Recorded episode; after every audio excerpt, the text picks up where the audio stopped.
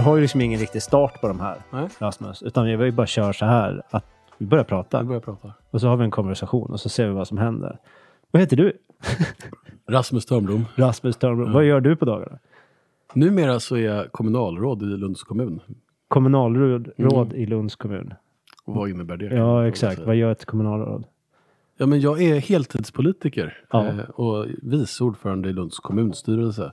Och kommunstyrelsen brukar, eller kommunalråd, den engelska översättningen är ju mayor. Så det är ju typ borgmästare, men den titeln finns inte riktigt i Sverige. Eh, Det är inte som Filip Sandberg som hade mayor på som, som faktiskt titel på LinkedIn. Nej, jag, Han det, har, det har jag faktiskt inte. med. Men, men det är ju den engelska översättningen, så det är väl, det är väl säkert det är korrekt. Ja, det är ju korrekt. Korrekt. Eh, ja, men innan dess så doktorerade jag och nu har jag tillsammans med, jag är moderat, så nu har jag tillsammans med Socialdemokraterna bildat Lunds första blocköverskridande styre. Jaha. Mm. Men du, minns jag rätt att...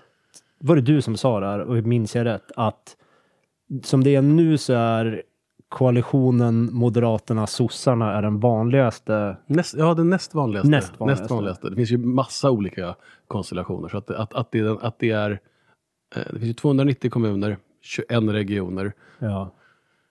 Och sen så finns det massa partier. Eh, och den, eh, om man då tittar på vilka partier samarbetar eh, mest med varandra så tror jag att det var så att det var eh, gamla, de gamla allianspartierna. Eh, Moderaterna och Liberalerna och Centerpartiet och Kristdemokraterna som är den vanligaste konstellationen. Okej. Och den näst vanligaste är att Moderater och Socialdemokrater. Näst vanligaste. Men det är ändå, det är ju ingenting man tänker idag. Nej, det är att lite- det ska nej. Det är lite ovanligt. Men jag tror att det är mycket, eh, det är mycket omvärldsläget och ekonomin och lite, lite osäker tid. Och då tror jag att eh, partier som stora, stora partier som har liksom ett, eh, ett anspråk på att ta ett stort samhällsansvar eh, har nog lite lättare att, eh, att samarbeta med varandra. Mm. Ja, det ligger nog mycket i det. Sen utifrån så känns det som att, ja, moderater och sossar ligger långt ifrån varandra kanske på rätt många saker. Men ifall jag får en blandning mellan de två så blir jag som mittenväljare ganska nöjd. Nej, men det, det är ganska många som säger det. Det var kul, för när vi, i, nu i valrörelsen så var det väldigt många eh, människor som kom fram och sa, ja, men borde inte eh, Magdalena Andersson och Ulf Kristersson regera med varandra? Det var inte så många som sa att eh, jag och Anders Almgren som är den, den socialdemokratiska kommunalrådet i Lund, det var ing- det var inte så många som sa att vi borde samarbeta, men det var kanske för att vi inte vi är inte lika kända. Men jag tror att det, det ligger någonting i det du säger. Det är ganska många som eh, har efterfrågat man, man, man tänker att det kan bli bra eh, om, eh, om man får en blandning av, av S och M. Sen behöver vi se till att det också blir bra. Så är det. Men det är väldigt bra i Lund. Vi får ju se hur ni sköter er nu. Ni- Ja, vi har precis börjat. så länge. I, idag, eh, 25, vad är det, 25 april, eh, så har det gått ett halvår sedan vi, eh, sedan vi valdes. Hur länge sitter man där? Det är fyra, Fyra år. Fyra år. Ja. Hur, vad, vad, vad, okej, ifall vi låtsas Mm. att jag är en kille som hoppade av gymnasiet och inte var så duktig i samhällskunskapen för en sekund. Vi bara, bara låtsas att så är det. Vad gör, vilken makt har ni i kommunen? Mm. Vad styr ni över? Vad är det ni bestämmer över så att säga? Väldigt mycket av det som man eh, ser och möter i vardagen. Gatorna, parkerna, vägarna, skolan, förskolan, äldreomsorgen, maten som serveras i, i förskola, skola. Ja. Matfrågor brukar engagera. Eh, men också sånt som hur man ska bygga staden. Hur, hur mycket ska Lund växa? Var ska Lund växa? Vilken typ av bebyggelse ska man ha? Så det är egentligen allt som är Ja, allt som, politik. ja, ja, väldigt mycket av det som är politik. Sen så kan man ju, polisen ansvarar staten för. Okej. Regionen ansvarar för sjukvården. Ja. Ehm, och mycket av arbetsmarknadspolitiken ansvarar regeringen också för. Okej. Men det är väldigt mycket, väldigt mycket av det som man som, som eh, väldigt mycket av det offentliga som man möter har, eh, har kommunen ansvar för. Ja. Ja, nej, det, ju, det är fler saker än man tror som styrs lokalt. Lokalt styrt känns... Det känns som att mer saker borde vara lokalstyrda. Om jag säger så. Från, från mitt perspektiv. Det känns som att ifall du sitter i Stockholm och bestämmer över björnjakten i Jämtland så blir det inte så balanserat Jag kan tänka mig att jämtlänningarna tycker att det, det borde vara någonting som de eh, har att säga till om.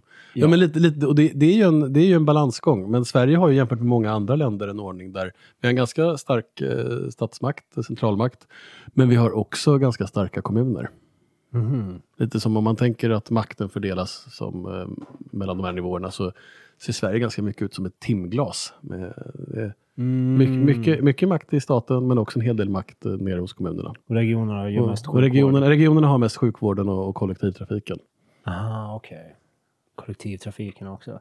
Hur fungerar det då när man är kommunpolitiker? Liksom, är allas ambition att vet du, göra karriär uppåt till region och sen till riksdag? Eller har man folk som är jag vill vara poli- Nej, kommunpolitiker? men, hela... nej ver, verkligen, eh, verkligen inte så skulle jag säga. Jag tror att väldigt många eh, alltså, ägnar sig åt kommunpolitik för att man vill göra en insats för platsen som man bor på. Mm. Och det är ju väldigt, det är ju en annan, det är klart att det är en annan, fattar, fattar, fattar jag eller vi ett eh, beslut som är impopulärt så får man ju, de som, de som är sura möter man ju i kassan vika liksom. Det, det, Det är en annan grej när någon det är har lite annan grej att man, man om- säger något som säger något dumt uppe i Stockholm tänker jag. Ja. Så att det är klart att man får man får ju en helt och det Lokalpolitiken är ju inte heller lika kanske konfrontatorisk. Eller det- det är inte de liksom, på samma sätt de stora djupa ideologiska konflikterna. Det finns ideologiska konflikter Mm. och liksom, ideologin är inte alls inte, inte oviktig.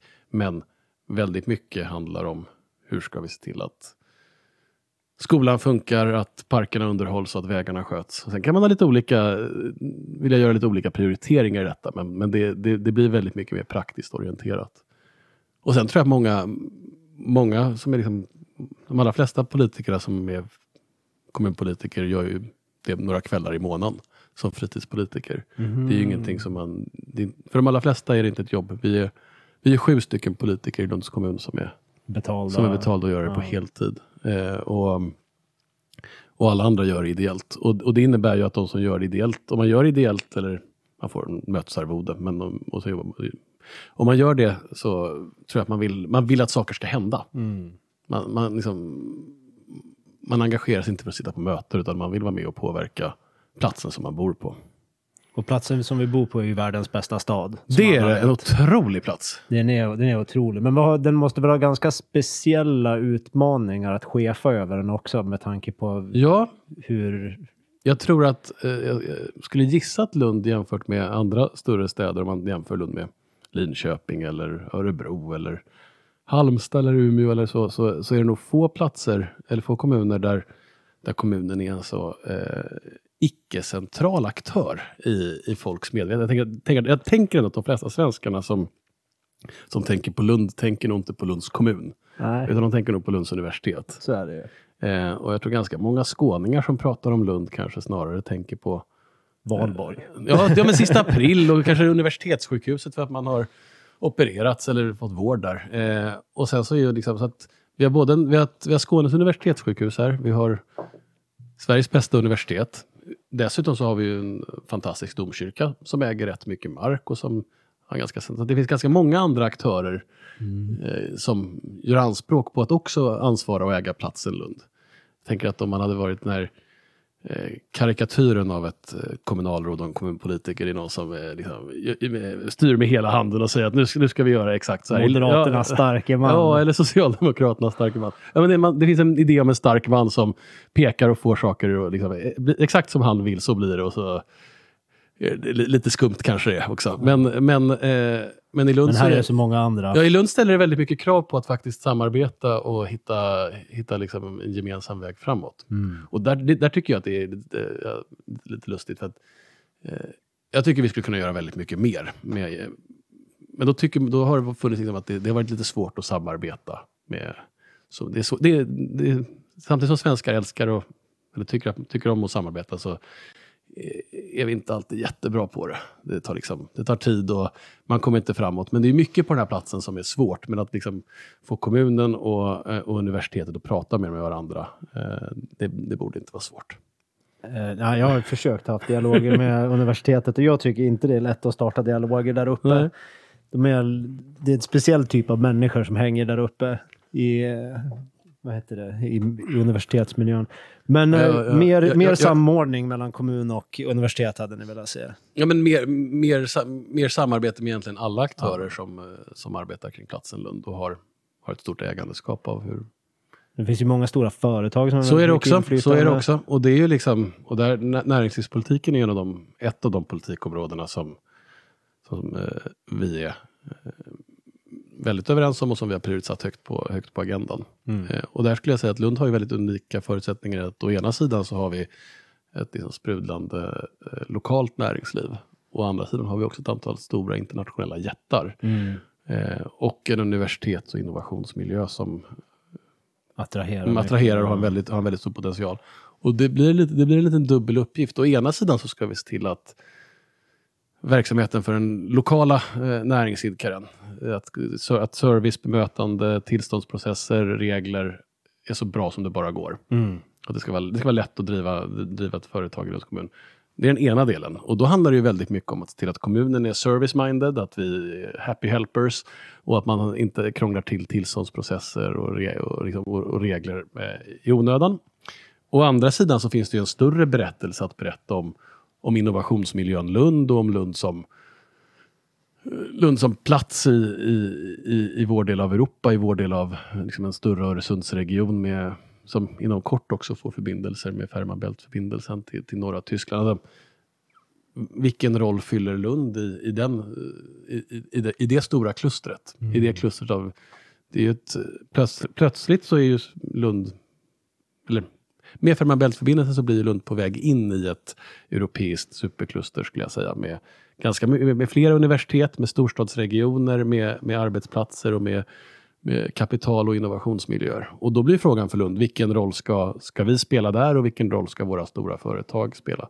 Det blir en större arbetsmarknad och en större, större potential att attrahera finansiering och kapital för att göra Lunds näringsliv ännu bättre. Så man måste ha med både, både det lokala och det globala. Mm. Ja, det är lite, kanske lite unikt när man jobbar här. Det är inte så mycket den utmaningen när det är i Östersund då, till exempel. För Ja, lite så, men, det kanske, men jag tänker att, jag tänker att det, det, finns, eh, det finns lite speciella förutsättningar där. Ja.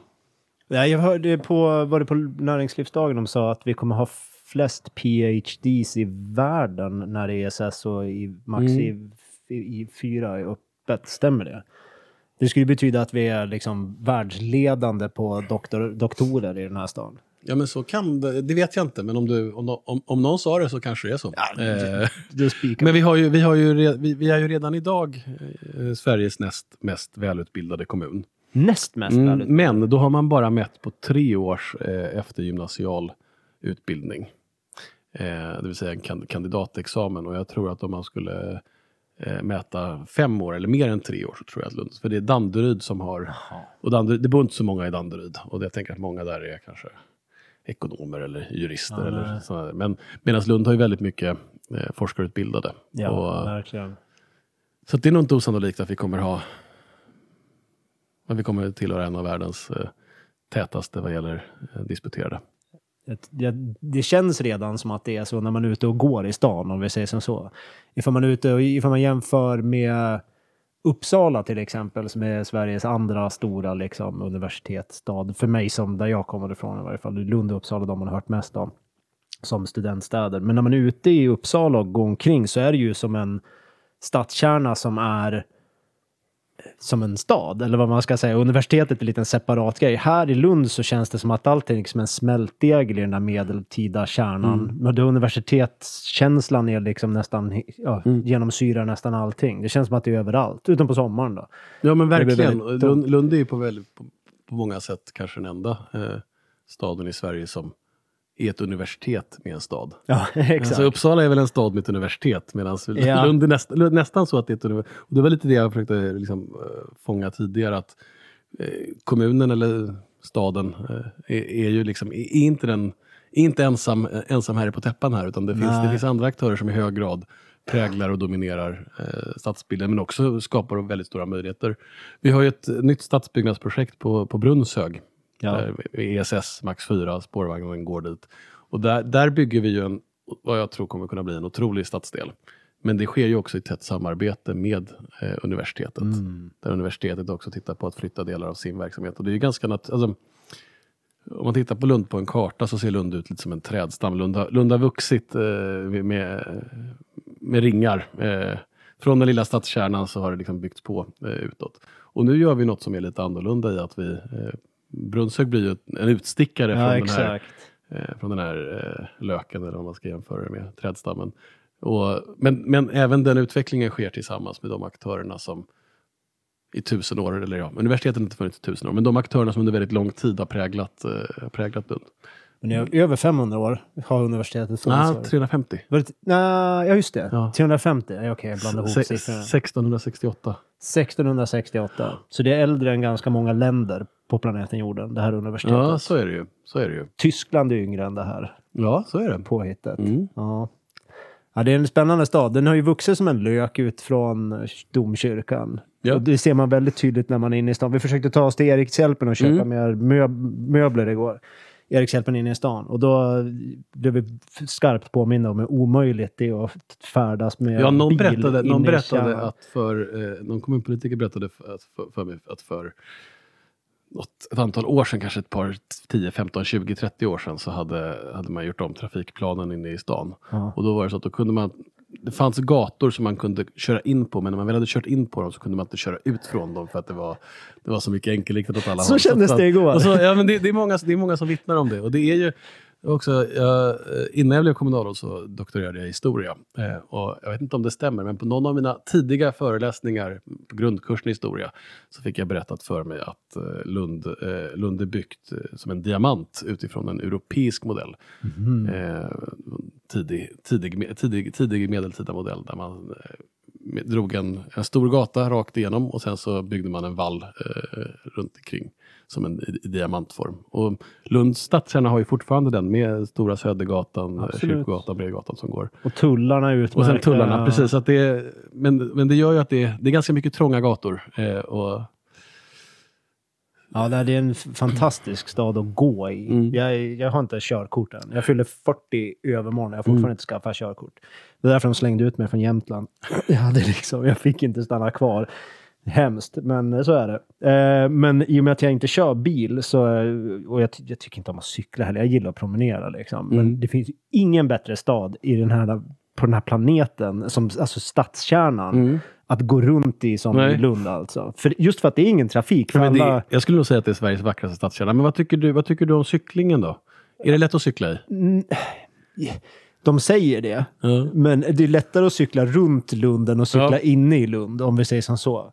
För, men det har väl mer, jag vet inte ifall det har med hur staden är planerad eller ifall det är mentaliteten på de andra cyklisterna som gör det svårt att cykla. För de olyckor jag har sett eller varit med om, då är det alltid någon galen student som kommer ut från, en, Ja. från ett kors och inte Mm. kollar sig för. Liksom, eller från ett hörn och inte kollar sig för. Men nej, jag cyklar inte mycket. Jag, har, jag, jag undviker det Nej, också. det, är, det går ju att gå. Det går att gå. Det går att gå. Som jämtlänning så är det ju korta avstånd också. Det- Man går ju till Östra Torn från Ja. Klostergården, det är ju inga problem. Men det, det är ju, det är, sen är det ju det här med vädret. Halvåret så regnar det ju från sidan. ja, Men man ska inte klaga. Nu- Ni ska inte klaga. Jag så här hade års är det 42 ju- minus på termometern sista vintern i Östersund. Okej? 42 minus visar den där jävla termometern en dag. Du- I, I förhållande till det så är lite regn ingenting Nej. att klaga på. Nej, absolut. Ni, ni ska bara skatta er lyckliga. Jag pratade med farmor och farfar igår. Det hade snöat 20 centimeter de senaste dagarna nu. Och här knoppar det i träden och skillan är framme på Ja. marken och sådär.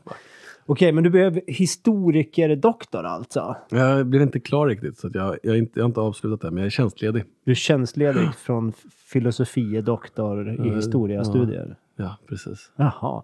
Okej, när- för när du sa att du hade pluggat så tänkte jag första tanken var att det var någon stadsplanering eller Nej, någonting. nej, det Vad ville du bli när du var liten då? historiker. Du ville bli Ja. historiker? Okej. Hur kommer det sig att du har landat i politiker?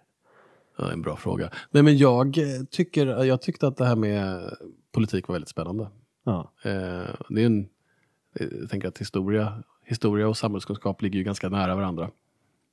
Eh, det, är bara, det är bara olika tid det utspelar sig. Det brukar vara Delvis, samma delvis. lärare i grundskolan. Ja, precis. Så, det, så, så är det. Nej, men, och sen när jag var i mina, eh, i, i, när jag var tonåring så tyckte jag att eh, det verkade spännande med politik. Jag eh, förstod att det fanns politiska ungdomsförbund.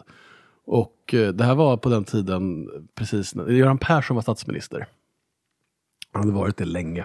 Eh, och jag tyckte väl att han verkade vara en... Han, han ville, han, han, han, jag var inget fan av honom.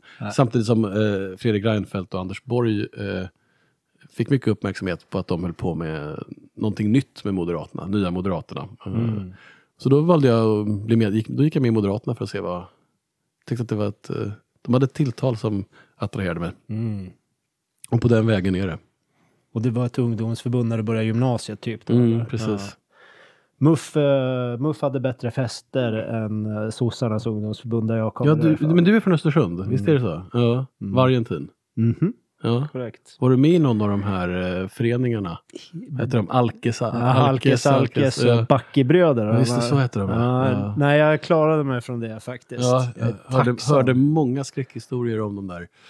Det är ju sjukt. Och du är här Ja, men, Lund, nej, nej jag, jag, jag, jag är född i Stockholm. Jag var, Ja. I min sena tonår så var jag ordförande i Moderat skolungdom. Jaha. Så då ägnade jag ett år av mitt liv åt att åka runt till alla Sveriges gymnasieskolor. Nästan alla Sveriges gymnasieskolor. Och, eller fast säkert, ja, väldigt många i alla fall. Eh, och eh, värva medlemmar och debattera. Eh, så då var jag på Vargentin. Amen. Ja. Amen. Ja, när jag gick på Vargen första tre månaderna i gymnasiet, sen bytte jag till Palmkrantskolan, som den som har mer esteter och f- hippies helt Ja. enkelt. Så. Det var mer, eh, det var mer eh, moderater på Vargentin än vad det var på Palmkrantz dock. Ska jag... Ja, men det, jag kommer ihåg det. Det, var länge sedan. Det, vi, det, vi brukade värva medlemmar. Men sjukt att du visste Alkes Alkes och Backebröder. Ja, men det var för att jag, det var någon som berättade någon uh, sjuk historia om någon invigningsritual. Eller, jag, Hur man beter sig ja, i Jämtland i Ja, men det, ja, ungdomsförbundet. precis, ja, men, ja, men det, ja, det var väl inte ungdomsförbund. Det var väl någon, skol, det var någon Ja, ja, skolförening. Ungdomsgrupper. Ja. eh, ja, där kom jag då som, som stockholmare och fick jag höra att det här var... Det var nästan som... Det, det kändes som någon form av eh, liksom, skogshuggarvariant av de här sällskapen på eh, typ de brittis, eller amerikanska Ivy League-skolorna. Någon kombination av så här... Jag gillar att det är en skogshuggarvariant av det. Mycket Ja, men det hembränt kändes så, ja. ja, ja. Det, det, det som man, det som man liksom anar att de gör på Harvard och Yale i slutna rum med dödskallar. Mhm. Det gör de med en dunk hembränt och en liksom, eh, sån här truckig keps och Ja. en flanellskjorta i Östersund. Ja. Ja, Det är annat. Men, okej, så du är från Stockholm? Alltså, jag, Ja. Okej. Hur länge har du varit i Lund då? Sen du började plugga eller? Mm, eh, på mitt sjunde år nu. Sjunde år. De säger att efter, efter sjunde året så känner man sig som hemma på en plats. Ja. Så inom sju år har du redan blivit kommunpolitiker i stan. ja, så nu, det var på tiden att jag började känna mig hemma. Ja, verkligen. Nej, men jag, min, eh, jag tyckte om Lund väldigt länge och betraktat Lund från sidan länge. Min bror pluggade här. Mm. Sen så tillbringade jag väldigt många, så jag var, hälsade på honom mycket. Men sen så när jag var mina tidiga 20 så eh, utvärderade jag eh, Lunds sista april och Uppsalas valborgsfirande. Okej. Och landade in i att Lund var bättre. Så jag var i Lund under flera, flera gånger under sista april och tänkte att tänk att man kan få bo i den här stan. Ja. Och sen när jag bestämde mig för att jag skulle göra slag i sak i mitt, eh, eh, i mitt eh, läsande till historiker så um, var valet ganska självklart. Men vad är det som gör att Lunds eh, valborgsfirande är bättre än Uppsala? Kör inte de typ en eller två dagar längre? Eller är det det man vill undvika? Nej, det vet jag inte. Jag, jag vill nog minnas att på den tiden det begav sig att man höll på i flera dagar. Ja, det gör man Ja, säkert. ja, men det kanske är så. Nej, men jag tyckte att det var, jag tyckte att det var härligare. Och det var nog mycket hur, hur staden är beskaffad. Med, Mm. det är ganska korta avstånd, mycket människor i rörelse. Det känns som att hela stan blir... Då kändes det, och hoppas någonstans att eh, studenterna även nu känner att eh, liksom hela stan blir en, en, eh, en plats för att fira våren. Mm. Ja, du känns. Även om det verkligen. Stadsparken kanske är huvud, huvudarenan. Ja. Ja, nej, jag... Det var kanske inte just valborgsfirandet som fick mig att vilja flytta hit, men jag tycker ni, jag tycker ni har så lite braser. Ni, jag tycker ni, Mm. Sigge, jag pratar med dig. Jag tycker ni skåningar har för lite braser på valborg. Alltså. Jag är van att man har riktiga vårdkasar överallt. Nej, precis. De byarna och de östra tätorterna har ju... Har ju är du från Stångby? Du är från Stångby? Ja. ja.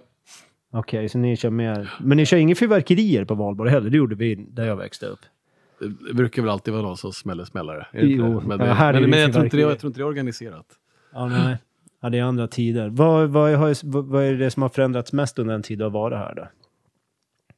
Ja, Men när jag kom hit så var ju spårvagnen inte, där, inte på plats. Och då var det, jag, bo, jag bor ganska nära, så det var, i perioder var det ju som en lervälling där den, där den höll på att, eh, att byggas. Jag minns att jag, det var någon höst när det regnade, som det brukar göra. Så fick jag bestämma mig för att jag insåg att jag behöver gummisstövlar för att ta mig in till stan. Om man, om man, om man ska passera liksom spårvagnsspåret, så, eller det som ska bli spårvagnsspåret, så går det inte att ha normala kläder på sig, utan det är på med gummistövlar.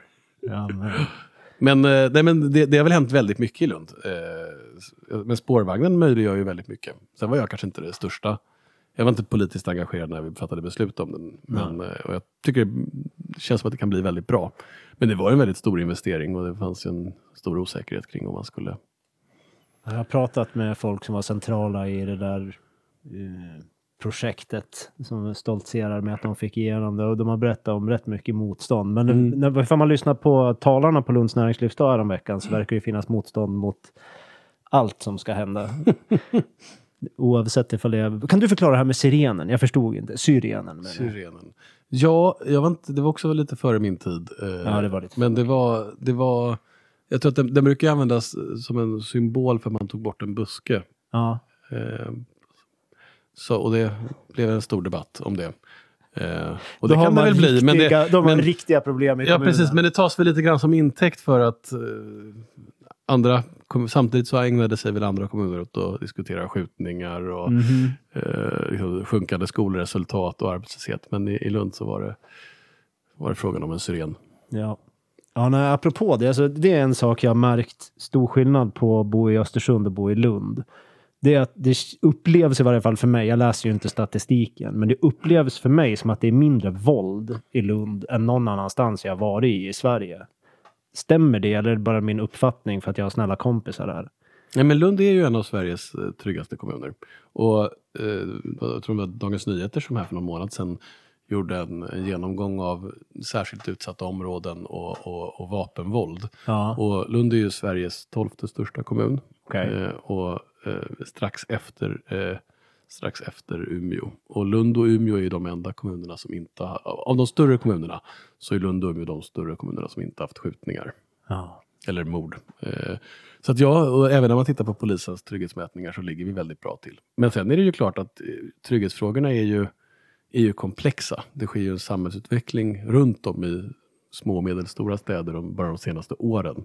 Där eh, den grova kriminaliteten i allt högre grad kommer att präg, prägla stadslivet eh, i, i form av att det kan vara det kanske är sprängningar, skjutningar, eh, narkotikahandel på ett sätt som är publikt och som liksom drar med sig våld. Och den utvecklingen är ju väldigt viktig att den inte kommer till Lund. Mm, men det är ju väldigt mycket narkotikahandel det är väldigt mycket narkotikahandel. Och, då är, och där är någonstans frågan hur man på ett... Dels hur man motverkar eh, narkotikahandel, men den stora frågan skulle jag säga är också hur man säkerställer att, att Lund, när Lund nu ska växa och när Lund växer och när otrygghet eller kriminaliteten i Sverige går åt, går åt fel håll så behöver man ju i högre grad växla upp det kommunala trygghetsarbetet. Mm. Och där tror jag att det handlar väldigt mycket om att både arbeta förebyggande och att göra nya grepp vad gäller trygghetsskapande arbete. Till exempel så har vi börjat arbeta med ordningsvakter, eh, vilket Lund tidigare inte har, har gjort. Under, under förra mandatperioden så, så inledde vi det arbetet. Och nu tittar vi även på att ha trygghetsvärdar ute i, eh, i Lunds byar och de östra tätorterna. Trygghetsvärdar. Ja, det är, det är inte riktigt ordningsvakter men det är eh, personal som kan vara ute och se till att Föräldrar på stan för alla liksom. Ja men typ så. Ja, men en, eh, bi- bidra till att skapa en känsla av att eh, folk är ute och ser och så kan man också ha kontakt och dialog med polisen. Ja, det, det här med... Vi pratade lite grann om det sist, vi, eller sist enda gången vi egentligen har pratat, du och jag innan, så pratade vi om det här med narkotika och Lund och våldet. För att Mm. det är för mig fascinerande, för för mig är det väldigt, väldigt tydligt att det är mycket narkotika Mm. i stan. Jag behöver inte läsa någon liksom, Nej. statistik för det, utan det är bara ja, gå runt i mina kvarter eller upp på en fest uppe på något studentboende eller någonting så är det väldigt tydligt att det är väldigt mycket. Men det i kombination med att det är så otroligt lite våld, så en väldigt Mm. trygg stad som vi säger. Det är fa- fascinerande för man tror ju lätt att mycket av det här att de här skjutningarna och våldet handlar om att kontrollera narkotikamarknader och så vidare. Men uppenbarligen finns det en väldigt, väldigt stor marknad här och väldigt lite våld. Så vad gör staden så bra för att det ska vara på det sättet? Vad kan andra städer dra för lärdom Nej, men jag vet inte, tyvärr, tyvärr vet jag inte om det finns så många lärdomar att, att dra egentligen. Som jag uppfattar det, som, som jag får beskrivet för mig, så är det, handlar det lite grann om hur staden, hur narkotikahandeln i staden är beskaffad. Eh, I att det finns, det, finns liksom ett antal aktörer. Men jag, jag vet inte, jag, jag, Nej, inte, jag- jag- inte eh, men jag skulle inte säga att det är, jag skulle, inte, jag skulle tyvärr inte säga att det är så att eh, Lund har knäckt koden i, så här kan man, så här kan man ha riktigt mycket narkotikahandel utan våld. Det är, liksom, det, det, är inte, en kommunal patent som vi, som vi har, utan det, är nog, det är nog snarare andra faktorer. Andra faktorer. Ja, det är, det, är, det är otroligt intressant. Det är otroligt intressant. För det är, ja, det är väl, väldigt, väldigt mycket Mm. narkotika. Ja, men den Även bland högre, ja. upp i åldrarna och sådär. Man, på ett annat sätt än vad jag Ja, men där tror jag att det, jag tror att det är liksom, jag tror att man behöver i högre grad se till att man kan liksom ge stöd och hjälp till de som, som hamnar i missbruk sn- snarare än att liksom eh, jaga eh, var och varannan som använder det. Sen så ska man naturligtvis liksom, motverka missbruket och se till att folk eh, det finns inget självändamål i att folk använder narkotika. Men det, det stora problemet skulle jag säga är ju, är ju narkotikahandeln och den kriminalitet som följer. Hur är Moderaterna som parti är emot legalisering av eh, sådana här typer av narkotika? Alltså cannabis, Ja, men det finns ju en rörelse nu i att försöka man vill titta, se över det. mm, se, men, nej, kanske se, se, åtminstone utvärdera. Och där tycker jag att man som, liksom, som, och det gäller egentligen alla frågor som har som det, har, som, har, som det har varit konsensus kring väldigt länge eller som har haft en, där det funnits en linje som har varit gällande länge att efter ett antal decennier så är det nog, börjar det nog liksom bli tid att titta, blicka ut mot omvärlden. Hur gör andra? Vilka Ja. erfarenheter kan man dra? Jag vill, ska liksom inte gå, gå händelserna i förväg, men jag tror att det vore välgörande för Sverige att lite grann uppdatera, Sitt synsätt på det här. ja. Ja. men, uppdatera debatten åtminstone, uppdatera kunskapsläget. Eh, för det, det hamnar, jag tycker vi allt för ofta hamnar liksom i en eh, Knark är för folk som inte kan supa. Ja, men lite så kanske. Och att man... Att liksom, när, ska man prata om det ska man prata om det på rätt sätt. Och det, liksom, det, all narkotika är inte lika, eh, inte lika skadlig. Eh, är- samtidigt så är det liksom... Jag tycker att det kan finnas en poäng i att man eh, undviker eftersom att det är uppenbart... Alltså, det vore bra om folk gjorde saker som var bra för dem. Sen så gör människor ibland så, sånt som är mindre bra för dem. Men... ehm, Definitivt. ja. Jag, jag, eh, ifall jag nu som säljchef, säljcoach, eh, säljare ska sälja in till ditt parti varför ni bör se över det här. Så jag har fortfarande inte träffat en människa som har hamnat i missbruk med narkotika som mådde bra. Så att ifall vi jagar de här människorna som brukar, då jagar vi ofta människor som mår dåligt bara. Visst är det så. Och sätter liksom mer press på dem. Vi ska vara hård mot dem och allt det här. Och det känns bara som att det gör bara situationen ännu värre för dem. De hamnar ännu mer utanförskap, hamnar ännu större liksom, ekonomiska problem för de måste betala böter, vad det nu kan vara för någonting. Mm. Och man hamnar liksom i en ännu värre cykel utav... Ja, jag Ja, tror men jag tror att det handlar om att bekämpa brottsligheten, eh, motverka ett missbruk, men sen också stödja de människorna som behöver, Ja. som behöver stöd och hjälp. Och där tror jag att det är ett i, I det tycker jag att det finns ett perspektivskifte. Eh, från, att, det är liksom, från att det är kriminellt att använda narkotika. ja, Jag tror att man kan nyansera perspektivet. det var inte kriminellt när jag föddes. Är det så? Ja. Det var 88 de Ja. bestämde det. Så det gick väl i full kraft 89 tror jag. Mm. När mamma föddes så såldes i varje fall cannabis på apoteket fortfarande i Sverige. Det gjordes det fram till 62. Så det är en annan tid. Ja, men jag, jag växte upp väldigt så här. Jag, jag, jag växte upp väldigt skonad ifrån narkotika uppe i Östersund ändå. Alltså det fanns väldigt mycket amfetamin och en del ecstasy och så där i tonåren. Men det är så långt ifrån resten av liksom Europa så man får inte dit lika mycket ifall man kollar på så här kokain och såna här grejer. Uh, växte upp väldigt befriad därifrån, skonad ifrån. Och, och jag växte upp i i narrativet att all narkotika är farligt och det är liksom ett bloss hasch så är du fast för livet och blir heroinmissbrukare efter två veckor och var väldigt rädd för allt det här. Och när jag blev kanske runt 30-årsåldern var när jag ändrade tankesätt på det här. Och nu när jag har läst, och jag har läst, det här är den enda politiska fråga jag läst någonting om, där jag kommer ha, kunna ha någon form av logisk följdfråga till dig egentligen. Ju mer jag läst om det, desto mer gör det mig lite, nästan lite hopplös att folk ens överhuvudtaget gjorde det olagligt från början. Jag kan, jag kan typ inte förstå det, för det, det ser inte ut att påverka marknaden särskilt mycket. Det enda som verkar hända är att det är kriminella som får bestämma vad som säljs istället. Det verkar som att de som blir beroende blir ändå beroende oavsett om det är lagligt eller inte. Det gäller även i Filippinerna där folk blir skjutna för att de använder det. Liksom. Jag ser liksom ingen gagn i att hålla det olagligt överhuvudtaget. Det verkar bara kosta staten en massa pengar. Man förlorar en massa intäkter mot ifall det såldes på apotek eller vad det nu är för någonting. Du får mycket mer sjukdomsspridning ifall det inte är lagligt och så vidare. och så vidare. Men det är väl en opinionsfråga. De som är yngre än mig, de, där är det ju en, där är ett mm. skifte. Ja, men visst är det så. Och jag tror att just, just därför ska man föra, den, ska man föra debatten på, på ett liksom fram, på ett framtidsorienterat sätt så tror jag att man i högre grad behöver eh, uppdatera kunskapsläget. Ja. För just nu så, just nu så är så att offentliga Sverige är väldigt mycket kvar i, i den position som man Sverige länge har haft. Ja. Medan en eh, växande grupp, eh, huvudsakligen yngre människor, men liksom, yngre än... Vad är det som händer? Håller på att riva hela stället? Okej, okay, men du, du blev politiker för att det såg coolt ut att vara Anders Borg eller Reinfeldt? Ja, men jag tyckte att de hade ett eh, väldigt bra... Eh, liksom ett, dels, eh, de hade bra tilltal. Och det handlade mycket om jobben. Eh, och om skolfrågorna. Mm. Alltså, jag tyckte Moderaterna hade bra skolpolitik. Mm. Med, när jag började med, kring betyg, jag tyckte att få betyg i tidigare ålder. Jag tyckte att det var bra att skolan fokuserade mer på kunskap, att man skulle flytta på uh, mobbaren och inte den mobbade. Mm. Mycket sådana par paroller. Och, och, jag tyckte också att det fanns liksom ett stort värde i att premiera arbete. Mm. Uh, och arbetsliv, det som, det som kallas för arbetslinjen. Mm. Det ska löna sig att arbeta.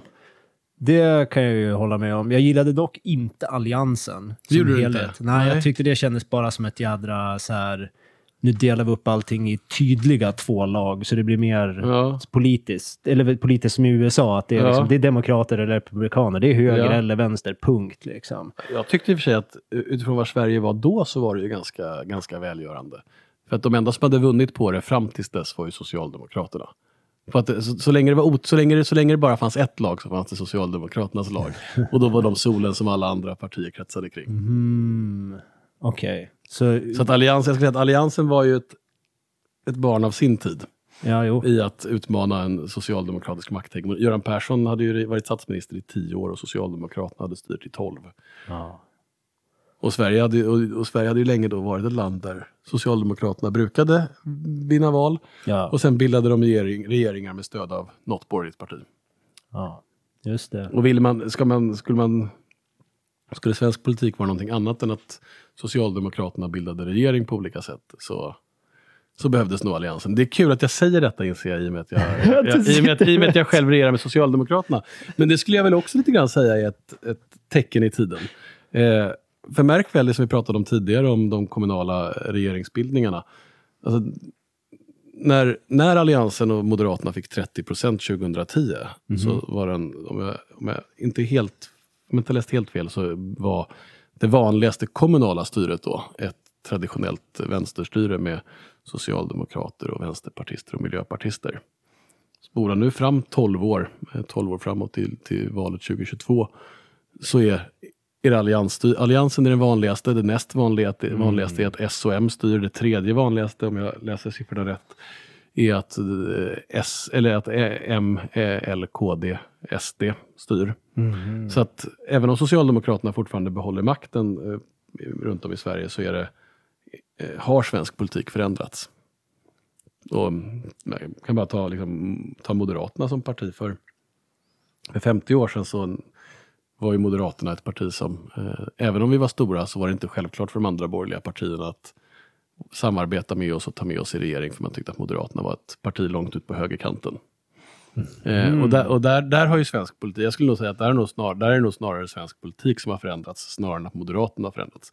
Moderaterna har fått, fått rätt i väldigt, många, eh, i väldigt många frågor och samhällsutvecklingen har, har gått i en riktning som vi har pekat på.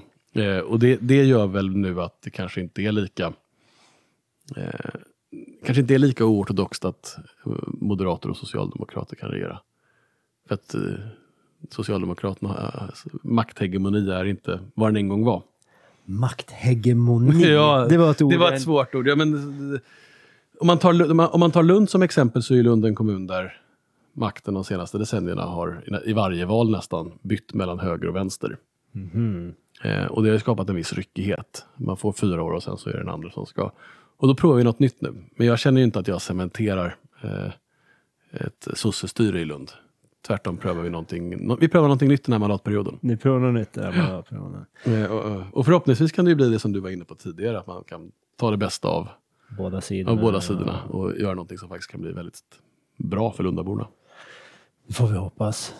Det får vi hoppas. Vad, eh, hur ser framtiden ut för Lund? Vi kommer få den här eh, nya stadsdelen. Vad är det mer för stora beslut och projekt som ska tas det här året? Vad är det mer ni kommer... Men vi, jag har ju väldigt stora förhoppningar på att göra Lunds stadskärna ännu, liksom, ännu bättre. Det är ju, vi pratade om det tidigare, det är ju redan tycker jag Sveriges, Sveriges vackraste stadskärna. Ja. Men när andra liksom, städer har centrumdöd och liksom, det är många tomma butikslokaler så menar jag att vi ska ju försöka göra raka motsatsen i Lund. Vi ska försöka få in folk i Lund. Vi ska försöka få Lunds stadskärna att verkligen bli en plats för möten och evenemang och där det händer saker. Så då, vill vi, då tittar vi på hur kan man ha hur kan man möjliggöra lite mer uteserveringar? Hur kan man eh, ha lite mer Det grönska? finns inte så mycket mer plats för ute. Ja, men till exempel, vi, vi, lägger, vi drar ju om busslinjerna nu, så att Botulfsplatsen kommer ju nu, eh, Botulfsplatsen som är busstorget, kommer ju att eh, i augusti, mitten av augusti, 20 augusti, så kommer det, bussarna sluta gå till Botulfsplatsen. Och då får vi plötsligt ett kompakt eh, torg mitt i stan som man skulle kunna eh, använda till eh, lite andra saker. Man kan tänka sig att man låter saluhallen expandera eh, ut med kanske utserveringar eller serveringar. Man kan tänka sig lite mer grönska, man kan tänka sig torghandel, man skulle kunna tänka sig tillfällig pop-up-verksamhet. Man skulle kunna tänka sig food. Alltså finns, och här försöker vi nu samla in vad, vad vill handlarna, vad vill Lundaborna ha. Men att den här ytan kommer tillgängliggöras, det tycker jag är, liksom, det är jättebra. Det finns också om man går runt i stan ganska många, liksom, det kallas för lucktomter. Ja, ja, eh, mellan två hus så kan det vara att eh, när man tittar ser det ut som att det borde stå ett hus där men det är en parkeringsplats eller en liksom, eh, och de tycker vi också, att där skulle man också kunna låta dem eh, bli uteserveringar. Ja, men eller en scen, eller en, tänk, tänk en scen eller att man låter någon ha en utställning eller något. Alltså det, så här års när Lund liksom blommar, blommar ut och det är vackert väder. Låt oss i anspråk ta stan lite mer. Och utnyttja den potential som finns. Och där, det tror jag är liksom viktigt för att Lund eh, ska vara en stad som, eh, som attraherar många människor. Inte bara studenter. Nej, precis. Det kan inte bara vara studenter och, och, och det kan inte bara vara studenter. Det måste också vara människor mitt i livet. Det, det behövs Mm. lite mer utav i den här stan. Sommaren är ju väldigt sådär, men det är väldigt markant Mm. när skolan är stängd. Att det, det blir mycket mindre människor i rörelse inne i stan och det är mycket mindre liv Mm. och rörelse helt enkelt. Hur många studenter är det i stan? Är det typ 40 000 eller något sånt? Universitetet har väl ungefär 40 000 studenter, men alla bor inte i, alla bor väl inte Nej. i Lund. Nej, det får man väl hoppas höll jag på att säga. Ja, men det är en 40 del 000, som, en del som bor i Malmö också. Så jag skulle gissa att det kanske, vad kan det handla om? 30 000 kanske? 30 000. Det är 30 000 människor i en stad med, vad har vi, Åt- Ja, i, i, i, i, i kommunen som helhet bor det 130. 130 i kommunen. Men i, i, i stadskärnan, eller i staden är det väl närmare ungefär 100 000. 90-100 000. Men När man säger att det bor 100 000, 130 000 i kommunen, det är alltså de som är skrivna folkbokförda här. Så det inkluderar inte eventuella studenter. Jo, studenterna är, de flesta studenterna är folkbokförda här Okej. numera. Numera? Förut så behövde de inte det, men numera ska, Jaha, okej. ska det vara så. Okej, så när man... Nej, okej. Så, men hur... Det, ja, det är en, det är en speciell stad alltså. Det är en speciell stad. 130 000. Det är lika många som i Jämtland. det. Är det så? Ja. Bor inte, bor inte fler i Jämtland? Är det bara 130 000? 130 000. Och det är tre gånger så stort som Skåne. Ja. I snitt är det... I snitt, jag tror det var, Och du, och, då ty, och du tycker att Lund är folktomt på sommaren? Allt är relativt. Allt är relativt. All, jag var i Lund längre än dig. Jag är verkligen hemma här. Ja, nej, men jag, jag kommer ihåg någon gång så läste jag att det var som mest var det fyra polisbilar ute i Jämtland. Mm. Det är tre gånger så stort som Skåne. Fyra bilar som snurrar runt. Det är en eh, ja, hyfsat annan värld. Mm. Här åker du liksom på samma avstånd som det är från Östersund till Brunflo är det från Lund till Malmö. Och då har du åkt igenom två, tre kommungränser på vägen också. Hur många kommuner är det i Skåne? Ja, det är en bra fråga. Det borde jag veta. Det är väl 33 eller 34 tror jag. 33. Nu fick vi Nu nytta får vi upp... Äntligen. Äntligen fick vi nytta av den här. 33! Ja. 33. Snyggt! Snyggt! Ja. Du hade haft rätt på Jeopardy. 33. Hur- Kolla hur många det är i Jämtland. Är det sex eller sju? Jag tror det är något sånt där. Ja, nu. Åtta. Bergbräcke, Härjed ja, Härjedalen ja, ligger i Jämtland. Ja. Härjedalens kommun. Både kommun och ett landskap. Det enda kommun, landskap och så vidare som inte har en enda stad. Nej, precis. Sveg är det väl som är... Korrekt. Sveg är fantastiskt. Folk hemifrån åkte gärna till Sveg och tog körkort. För då fanns det liksom ett trafikljus. Ja, I Stockholm var det många som åkte till Östersund och andra ställen förut. Är det så? Ja, många, Dalarna åkte folk till åtminstone vet jag. Frivilligt. Ja, för att ta körkort. Ludvika tror jag var ett sånt där. Ludvika. Eh, Lud, ja. Ja, Dalarna är vackert. ja. Dalarna är otroligt vackert. Vi var där på bröllop, apropå orter och sånt där, vi var där på bröllop i somras. Och en sak som slog mig med Dalarna, det var hur jädra många orter det är man känner till. Mm. När man kommer dit på, och ser på en karta. Det är Mm. Ludvika och Mora och, och så vidare. Falun och Borlänge. Falun och Borlänge. Det tar liksom aldrig slut. Nej. Orsa och så vidare. Och så vidare. Man har, det är så, mång, det är så Ja. mycket svenskt. De, de har jobbat bra, de kommunerna har jobbat bra med sin eh, branding. Ja, absolut. Eller namn, eh, namnkännedom. Ja. Vad eh, ska vi göra för att bli mer... Vad ska staden göra för att bli ännu mer känd i Sverige då? Hur, har ni, en, har ni liksom en marknadsföringsavdelning? Ja, vi, har ju, vi har ju faktiskt eh, ett, ett bolag, kommunalt bolag som heter Visit Lund. Jaha. Som eh, syftar just till att marknadsföra platsen Lund och de förutsättningar och möjligheter som finns här. För att dra turism och evenemang och aktiviteter till, till Lund. Så det, det är ett pågående arbete. Ni eh, har, som- ni har ett eget marknadsföringsbolag helt enkelt? Ja, men så, ja, så kan man ju säga. Men det, det, det, det handlar ju mycket om att se till att eh, när det ska arrangeras mässor eller konferenser eller festival eller någon eh, utställning eller liknande så ska man se till att den, den ska kunna komma hit också. Men vad tycker du? Vad, vad borde Lund göra? Hur marknadsför man Lund? Ja, jag är ju ingen marknadsförare, jag är ju säljare, så för mig är det ju att ringa Hur upp man- alla svenskar. man Man ringer upp alla svenskar en och en Ja, och och säger, säger- hej, har du hört talas om Lund? Ja. Ja, jo, det har Ja. jag. Okej, jättebra. Vad är det första du tänker när du hör ordet Lund? Nej, jag, är, jag är dålig på det där med marknadsföring. Jag har tänkt på det mycket nu inför poddreleasen här. Ja. Att man ska ju ha någon marknadsföringsstrategi och man ska... Det, det, jag, stå och slå på trumman Mm. sådär, jag klarar det, inte- Nej. Men att ringa upp folk, prata med folk en Mm. och en, det kan jag göra åt er. Så ifall ni någonsin ska ha ett TM-kontor med människor som Då ringer... det, var det så du började? Telemarketing, ja, Ja. Svenska Dagbladet i Östersund. Det var ju faktiskt Svenska Dagbladet själva då. Det var inte ett Mm. telemarketingkontor. utan Man var anställd av Svenska Dagbladet. Höll du på med det länge?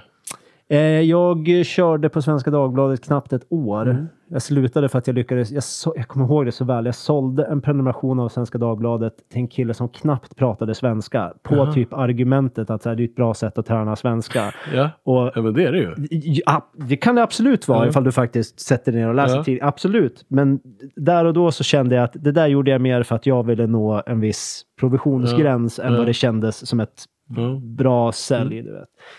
Ehm, så ja, så då sa jag upp mig och flydde telemarketingvärlden i en tvåårsperiod och jobbade på typ kundtjänst och sådär. Mm. Så, men det blev, man föll tillbaks till sälj för att det låg väl rätt naturligt för mig. Jag blev, där på kundtjänst så sålde man ju du vet, tilläggstjänster och sådär när kunden ändå ringde in. Ja. Så låg man väl rätt bra på de listorna. Sen efter 20, sen 25 har jag jobbat som typ säljcoach och utbildare och sådär. Kom hit när jag var 28, 29 någonting, kom jag ner till Skåne för att få större möjligheter och sådär. Men där är ju, det är ju en bransch Skåne måste skärpa sig på. Telemarketing. För, Är det så? Ja, ja. det här alltså, vet jag det- ingenting om. Ah, nej, förlåt, men alltså en hutlös andel utav skumraskbolagen i Aha. det här landet kommer, kommer ifrån Skåne. Alltså. Och, vadå? Och säljer och ringer, ringer telemarketing? Alltså telemarketing, de, de telemarketingkontor som inte sköter sig, många utav dem är här nere i Skåne. Och att Var, var är de någonstans då? I, det, Malmö. i Malmö? Ja, okej. Och om, med omnejd. Helsingborg har väl haft några som har varit problematiska också. Men det var så sjukt att komma från Östersund, för ifall jag var ute på krogen i Östersund i, i kavaj och skjorta och sådär. Mm. Och folk frågade vart jag jobbar Jag bara, jag jobbar på Neras Direkt, som det Mm. sista stället jag jobbade på hette. Då blev det som, reaktionen var som, alla visste ju vad det var. Det var ju telemarketingkontor för flera olika uppdrag, Mm. men i huvudsak inom energibranschen. Då. Men attityden på folk var ju typ, ja men då, då tjänar du bra pengar då. Alltså du vet såhär, kul, ja men då har du en karriär, liksom ett jobb. Sådär. När jag kom ner hit till i Skåne Jaha. och sa samma sak. Jag Ja. jobbar på Connecting Sweden eller jag jobbar på One Contact eller vad det nu har varit för någonting. Så, så, äh, Jaha. är du säljare? Äh. Jag tror det hänger ihop med det här att det har varit så mycket Mm. skumrask och så mycket skit i den här branschen här nere. Säljare har väldigt dåligt rykte i Skåne. Det, ska jag, det ska jag lista ut hur vi förändrar. Ja, det- Lund har redan ganska bra rykte i, i Sverige. Ja, det är, men det är väl, I Lund så är det väl inte så många säljare kanske? Mm, nej. Det är Mer tänkare. är mer Eller tänkare. Föreställa tänkare. Ja. Ja, det är det hela det här företaget bygger på. Att det är dåligt med säljkompetensen i Lunds kommun. Att de behöver någon som kan springa omkring och utbilda. Gå in på ille.business ifall ni behöver hjälp. Ja, ja men okej. i politiker nu för tiden, är ni, är ni, apropå de här marknadsföring, är det viktigt att vara duktig på sociala medier och sådär för er nu? Ja, men det är klart. Det är det är klart att det är det. Ja. Så du jobbar på din Instagram liksom? Och, Ja, men jag, jag försöker, men um, borde man, kan nog bli lite bättre. Vilken eh, sociala medieplattform är viktigast för en politiker? vara Ja, men det tycker jag är lite svårt nu. Jag använde väldigt länge Facebook och det gör jag, det gör jag fortfarande. Men tycker att Facebook börjar kännas lite, lite uttjatat. Lite gammal. Ja, och så tycker jag det är, lite, det är många som använder LinkedIn uppfattar jag. Och det tycker jag känns också, det känns lite så här. Det är min favoritplattform. Men jag, kan tänka mig, jag kan tänka mig det, men det känns väldigt mycket business, sälj, nu ska man Ja, nätverka. jo. och det är jättetrevligt, men, men jag vet inte egentligen hur många jag vet inte hur många, hur många man egentligen når där, utan det, det känns som att det är ett ganska slutet ekosystem. Ja, Av, eh, det stämmer nog. Ja. Du, når- du må nå bredare på Instagram Ja. än vad du gör på LinkedIn. Men det som är fint med LinkedIn, det är att när vi väl har...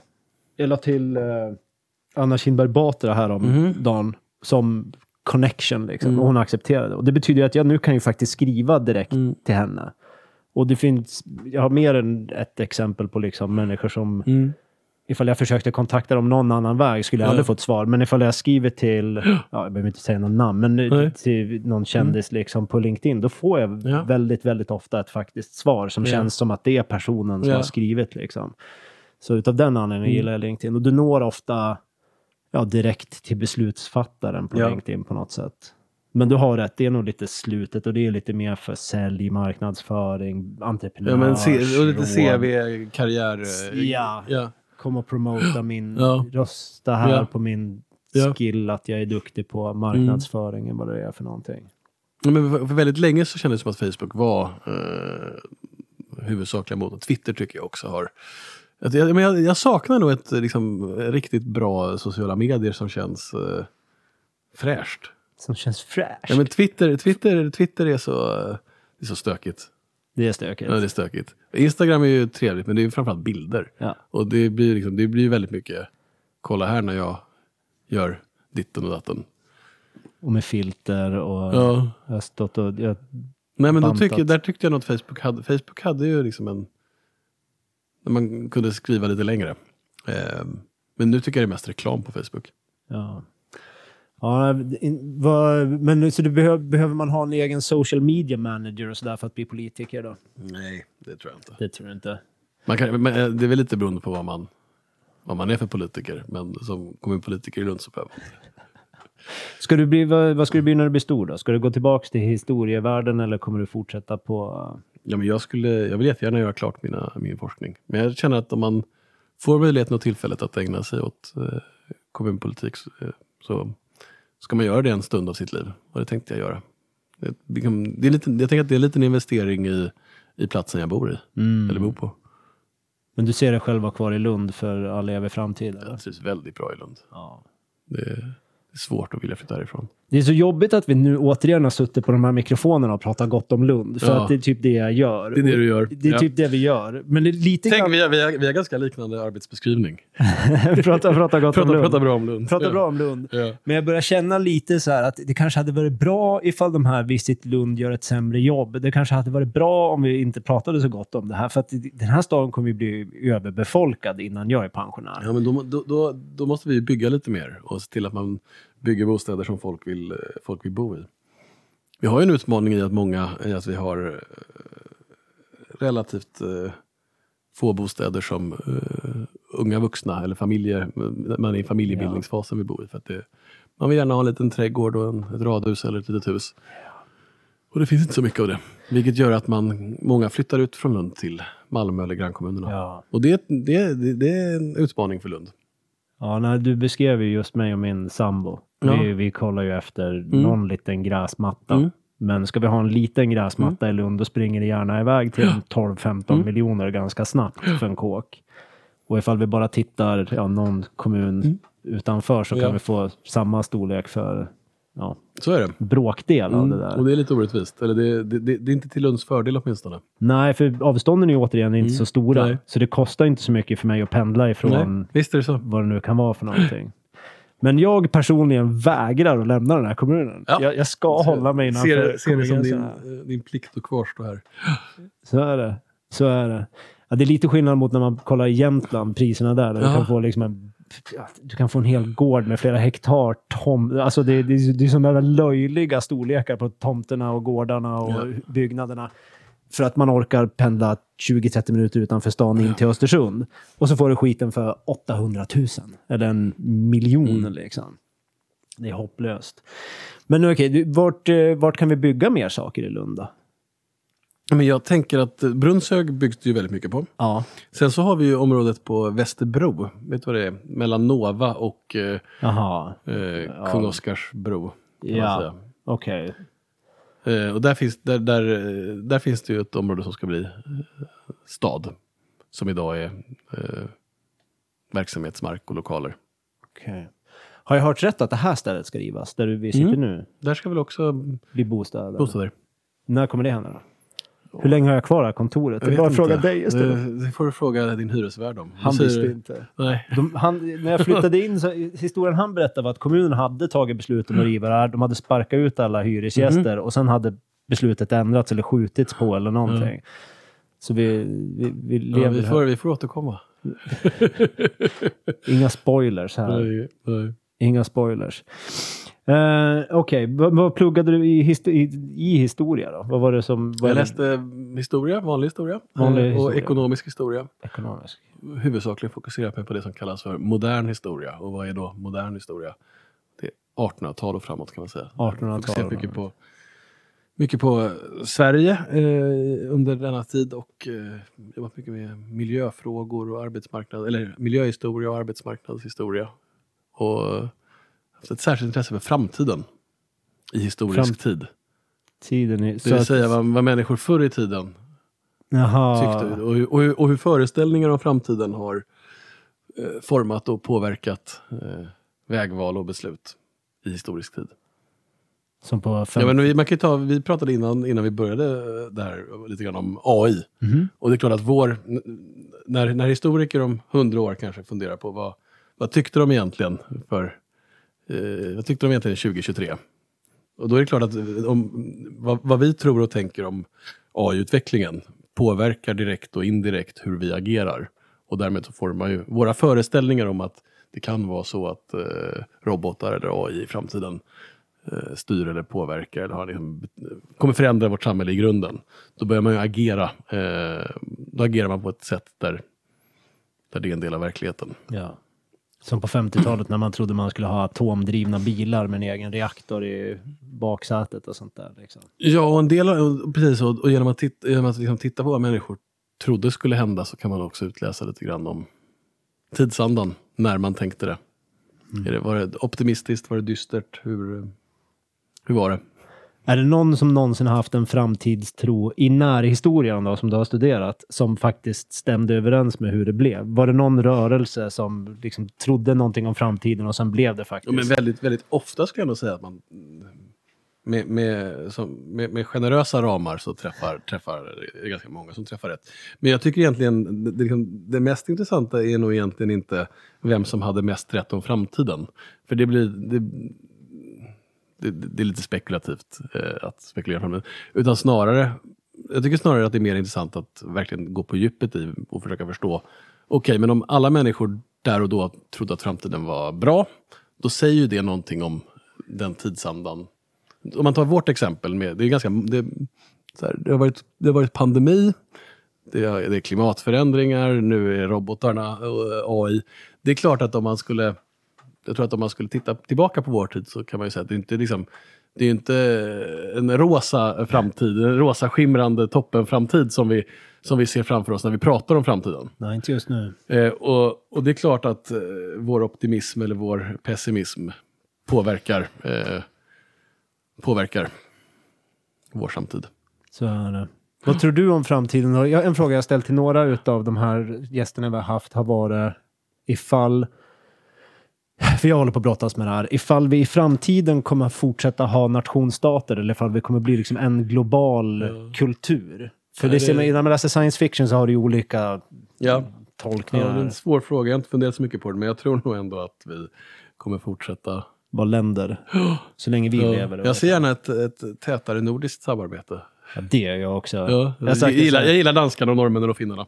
Men jag måste och snart... Eh, och islänningarna. Ja, jag, jag vet. Du är på en... Eh, du är på en eh, vi måste börja runda av. Mm. Var, men okej, okay. vart följer folk Rasmus då? På sociala medier ja, kanske man ska promota? Instagram, Twitter. Rasmus. Torn... Rasmus Tornblom. I ett ord. I ett ord på alla kanaler. Rasmus Tornblom i ett ord på alla kanaler. Vi lägger upp det på länkar där det finns möjligheter. Men jag får tacka jättemycket Tack för att du tog dig tid att komma hit. Det var, var roligt att du, att du ja. tog den här lilla gamblen, risken. ja, jättetrevligt. Jättetrevligt. Uh, men bra, tack. Tack så mycket.